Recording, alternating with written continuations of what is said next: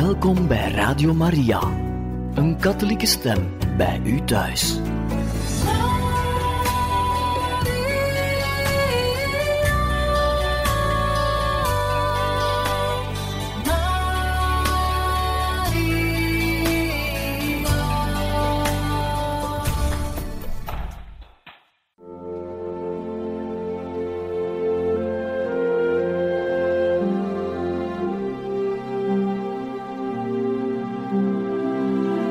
Beste luisteraars van Radio Maria, welkom bij het programma Catechismus.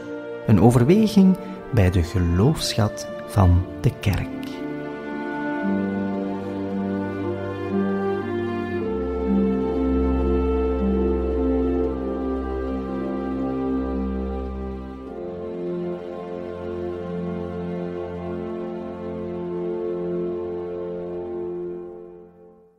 Van harte welkom, beste luisteraars, in het programma Catechismus.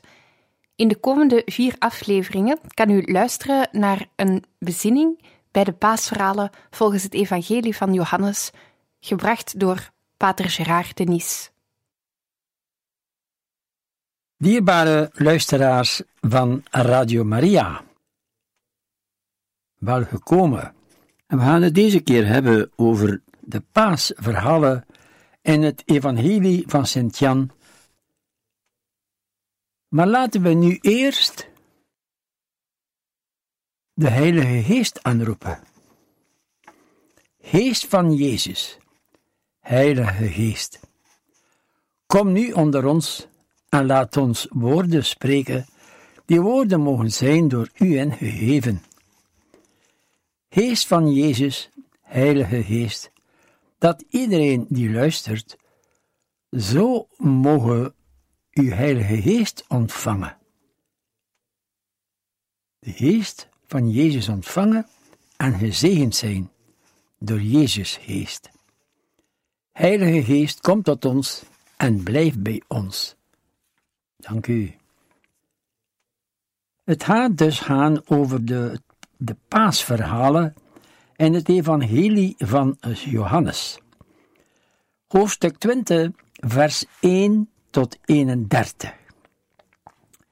Ten eerste bericht van Maria Magdalena over het lege graf en bezoek van de twee leerlingen aan het graf. Vers 1 tot 10, hoofdstuk 20. Er zijn tien versen. Eerste vers. Op de eerste dag van de week kwam Maria Magdalena vroeg in de morgen. Het was nog donker bij het graf en zag dat de steen van het graf was weggerold. Vers 2. Ze liep snel naar Simon Petrus en naar de anderen die door Jezus beminde leerling en zei tot hen: Ze hebben de Heer uit het graf genomen en wij weten niet waar ze hem hebben neergelegd. Het was donker. Dat was misschien wel symbolisch. Het is wellicht symbolisch bedoeld. Wie nog niet gelooft in de verrijzenis, verkeert nog in de duisternis. De boodschap van Maria Magdalena is een uitnodiging om de apostelen aan de apostelen om zelf te gaan zien. De boodschap van Maria Magdalena is een loutere uitnodiging aan de apostelen zelf om zelf te gaan kijken. Daarop gingen Petrus en de andere leerling op weg naar het graf.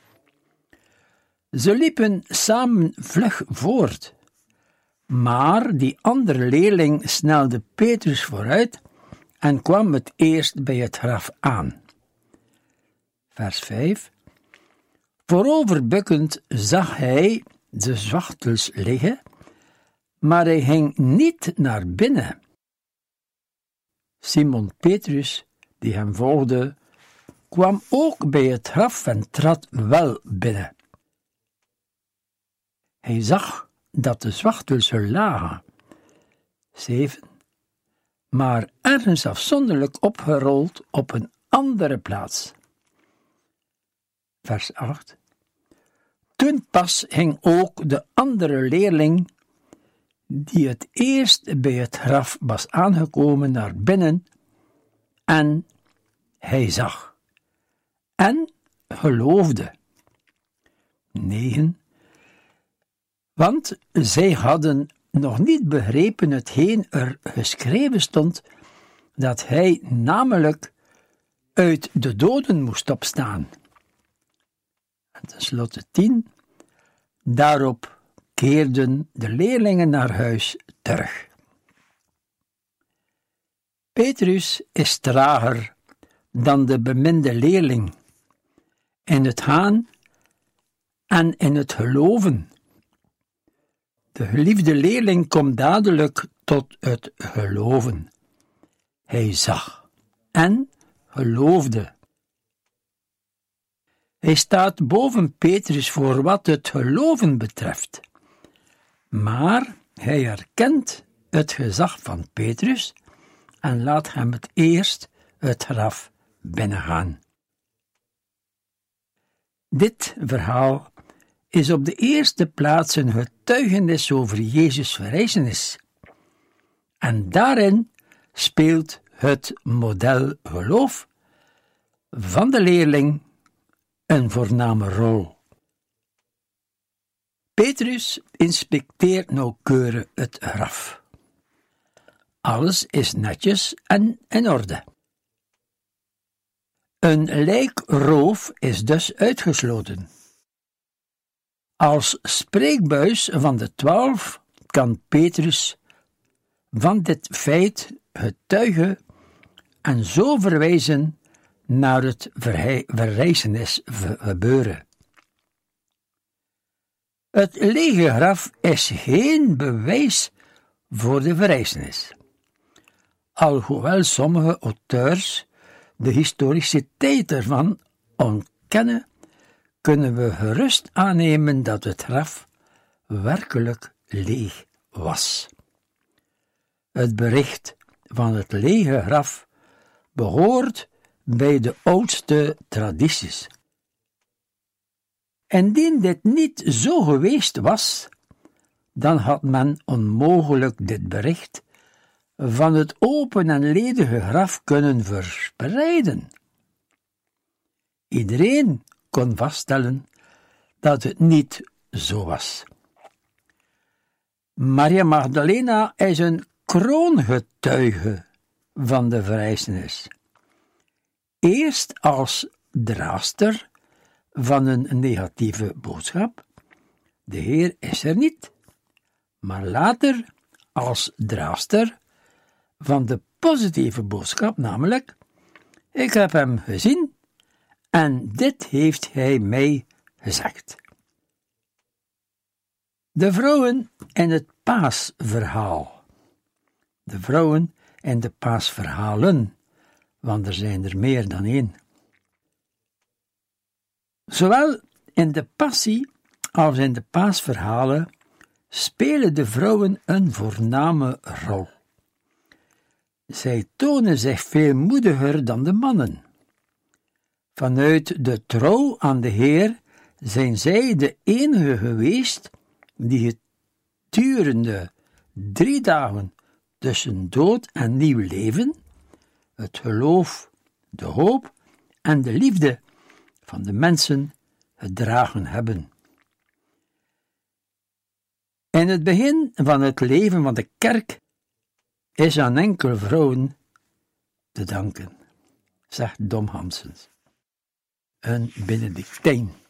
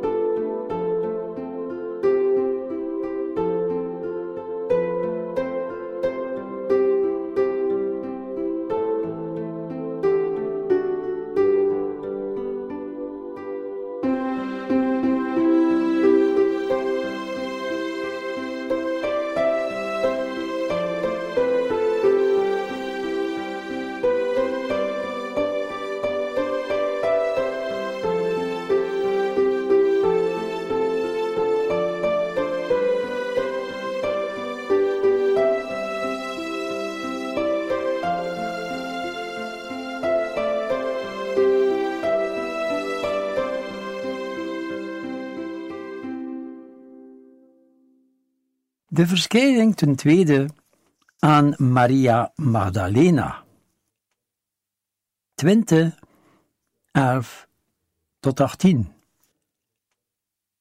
Acht versen. Maria stond buiten bij het graf te schreien.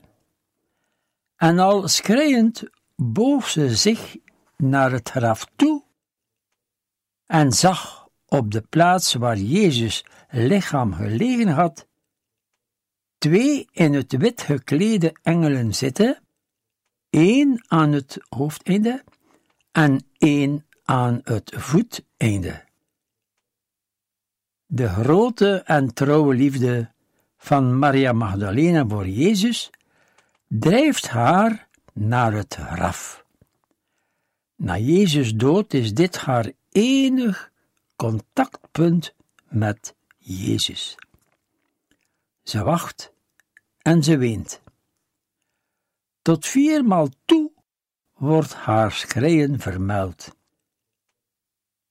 Dit drukt haar grote droefheid uit en haar gehechtheid aan Jezus.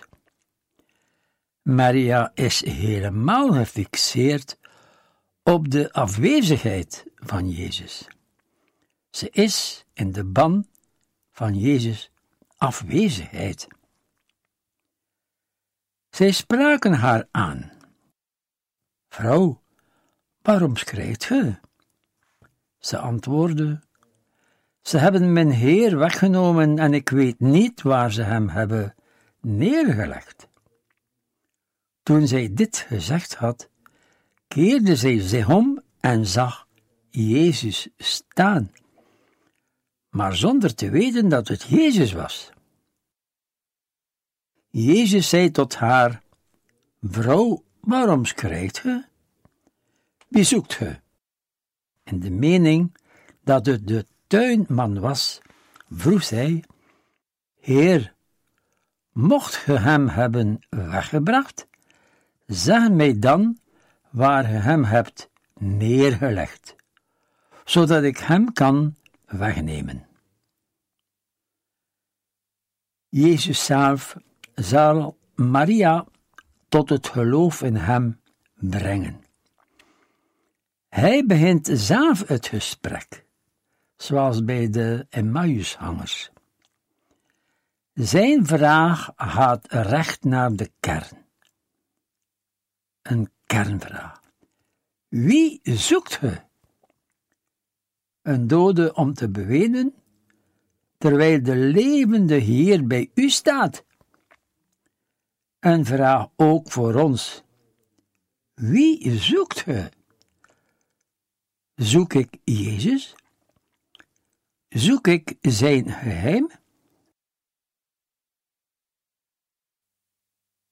En daarop zei Jezus tot haar: Maria. Zij keerde zich om en zei tot hem in het Hebreeuws: Rabboni, wat leraar betekent. Jezus drukt zijn persoonlijke liefde uit tot Maria door het noemen van haar voornaam. Hij laat zich erkennen in een ontmoeting van mens tot mens. En deze dialoog is mooi. Maria Rabboni kan inspirerend zijn voor ons gebed. Het is een uitnodiging om onze medemensen te benaderen met hun voornaam. Dit is met aandacht, aandacht, veel aandacht, voor hun persoon met waardering, met liefde. Toen sprak Jezus: Hou mij niet vast, want ik ben nog niet opgestegen naar mijn Vader, maar ga naar mijn broeders en zeggen: Ik stijg op naar mijn Vader en uw Vader, naar mijn God en uw God. Jezus openbaart zich hier als de verrezene. Hij is niet meer de meester van vroeger. Zijn leven is anders. Hij hoort nu thuis bij God, bij zijn vader. En Maria moet Jezus dan ook niet vasthouden. Zij moet leren loslaten. Paasgeloof houdt altijd een voorbij laten gaan en een loslaten in. Maria Magdalena ging aan de leerlingen berichten dat zij de Heer gezien had en wat hij haar gezegd had. Maria Magdalena wordt door Jezus gezonden naar zijn broeders, naar de gemeenschap. Ze moet hun de volle openbaring meedelen. De gemeenschap is de plaats bij uitstek van de ontmoeting. Paasgeloof leefde maar en beleef je enkel in gemeenschap.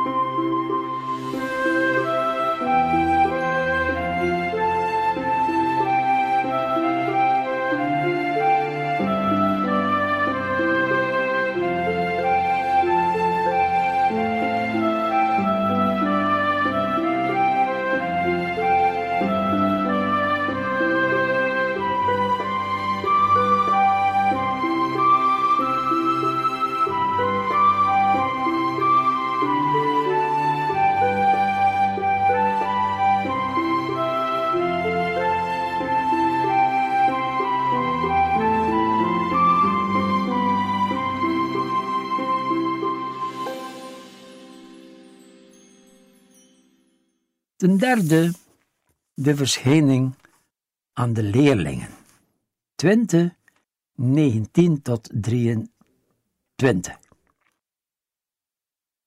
En de avond van die eerste dag van de week, toen de deuren van de verblijfplaats van de leerlingen gesloten waren, uit vrees voor de Joden, kwam Jezus binnen, hing in hun midden staan en zei: Vrede zij u.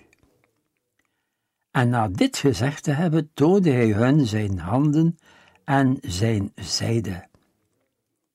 De leerlingen waren vervuld van vreugde toen zij de Heer zagen. Vrede zij u. Het was de gebruikelijke groet shalom, die hier een diepere betekenis en uitwerking heeft. Het is een scheppend woord. Jezus geeft vrede. Zijn vrede en diepe vreugde. En de vrede is het paasgeschenk van de verrezen Heer. Vrede is het paasgeschenk bij uitstek van de verrezen Christus. Hij toonde hun zijn handen en zijn zijde, en deze wonden zijn de wonden van zijn liefde. De wonden van de godshaat zijn nu de glorietekens van de goddelijke liefde, zei André Louf, abt, zoveel jaren geweest, van de Katsberg. Nogmaals zei Jezus tot hen, Vrede zij u. Zoals de Vader mij gezonden heeft, zo zend ik u. Dat Jezus door de Vader gezonden was, betekent dat de Vader in hem werkzaam was. Als Jezus zo zijn leerlingen zendt, dan betekent dit dat Hij in hun werkzaam blijft. Hij bekleedt hen met zijn macht. Zij moeten zijn reddend werk nu voortzetten. Zij moeten zijn reddingwerk voortzetten, nu in deze wereld. En na deze woorden blies hij over hen en zei: Ontvangt de Heilige Geest. Aan wie hij de zonden vergeeft, die zijn ze verheven. En aan wie hij ze niet vergeeft, zijn ze niet verheven. Hij blies over hem. Hij blies over hen.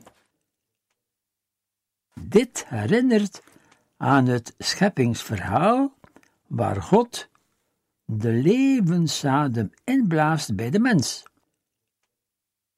Wij hebben hier een nieuwe schepping, waarbij Jezus zijn leven meedeelt aan de leerlingen. Hij die zelf de geest bezit, deelt die geest mee aan de leerlingen. De traditie heeft in de woorden aan wie het de zonden vergeeft, de instelling gezien van het boete-sacrament. Vergeving en verzoening zijn nodig om in vrede te leven met God en de mensen. En ten vierde, de verschijning aan de leerlingen met Thomas erbij, 20, 24, 29. Thomas, een van de twaalf, ook Didymus genaamd, was echter niet bij hen toen Jezus kwam. De andere leerlingen vertelden hem: We hebben de Heer gezien. Maar hij antwoordde: Als ik niet in zijn handen het teken van de nagelen zie, en mijn vinger in de plaats van de nagelen kan steken, en mijn hand in zijn zijde leggen, zal ik het niet geloven. De ongelovige Thomas tussen naakjes, ongelovige, wordt hier voorgesteld als voorbeeld van de gelovige. Vanuit zijn twijfel en verlangen naar tastbare bewijzen wordt hij door Jezus tot het volle geloof gebracht. De leerlingen vertelden aan Thomas dat ze de Heer gezien hadden. De ene leerling getuigt voor de andere, de ene brengt de ander bij Jezus. Ook elders in het vierde evangelie is het zo. We hebben een grote verantwoordelijkheid voor elkanders geloof naar bewijzen vragen gebeurt ook op deze wijze. Als er niets verandert in de kerk, in de gemeenschap, dan hoeft het voor mij niet meer. Grenzen stellen aan onze inzet, twijfelen aan de mogelijkheden van de verrezenen. En acht dagen later waren zijn leerlingen weer in het huis bijeen, en nu was Thomas er wel bij. Hoewel de deuren gesloten waren, kwam Jezus binnen en zei: Vrede zij u. Ondanks zijn scepticisme was Thomas weer naar de groep gekomen. Geloven ontstaat en groeit binnen de gemeenschap. En de deuren waren gesloten. De evangelist trekt de aandacht op de wijze waarop Jezus binnenkomt, met gesloten deuren. Dat en dit moet indruk maken op de twijfelende Thomas. Vervolgens zei hij tot Thomas: Kom hier met die vinger en bezie mijn handen. Steek uw hand uit en leg die in mijn zijde, en wees niet langer ongelovig, maar gelovig. Door in te gaan op de eis van Thomas toont Jezus hem dat hij hem doorziet. Thomas wil tot het geloof komen langs de weg van zekere bewijzen. Jezus wijst een heel andere weg aan. Steek je hand maar in mijn zijde. Verwijzing naar het hart van Jezus. Thomas moet de overgang maken van het verstand naar het hart. Geloof is geen kwestie van het verstand, maar van kennen met het hart. Thomas is een bekeerling, die leert zien met het hart en die gegrepen wordt in plaats van te begrijpen. Toen riep Thomas uit: Mijn Heer en mijn God. Een onvoorwaardelijk plechtige geloofsbelijdenis in Jezus. Zo mooi.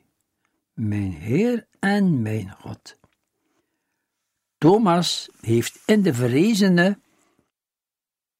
zijn vroegere meester herkend en hij ziet nu ook dieper in het mysterie van Jezus persoon.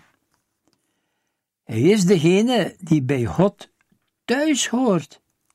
Hij is God. De grootste twijfelaar spreekt het duidelijkst de geloofsbeleidenis uit. En deze beleidenis, die het hoogtepunt vormt, en de beleidenissen van het vierde evangelie, beantwoordt aan het begin van de proloog. Het woord was God. Toen zei Jezus tot hem, omdat je mij gezien hebt, gelooft ge. Zalig, die niet gezien en toch geloofd hebben. Zalig. Jezus aanvaardt de beleidenis van Thomas, maar verweet hem niettemin dat hij pas na de vaststelling door het zien tot het geloof kwam. Degene die tot het geloof komen zonder gezien te hebben, worden dan ook zalig geprezen. Dit geldt voor de toekomstige leerlingen van Jezus. Dus ook voor ons. Zalig zijn zij. Er wordt niet gezegd hoe deze tot het geloof komen. Blijkbaar gebeurt dit door de geloofsverkondiging en ook door het schriftelijk getuigenis van de evangelist, van zijn evangelie. Met de bedoeling mensen tot het geloof in Jezus te brengen, heeft hij dit geschreven, zodat hij uitdrukkelijk zegt in het laatste vers. Nog vele andere tekenen heeft Jezus gedaan in het bijzijn van zijn leerlingen, welke niet in dit boek zijn opgetekend, maar deze hier zijn opgetekend opdat je mocht geloven dat Jezus de Christus is, de Zoon van God, en opdat Hij door te geloven leven mocht bezitten in Zijn naam.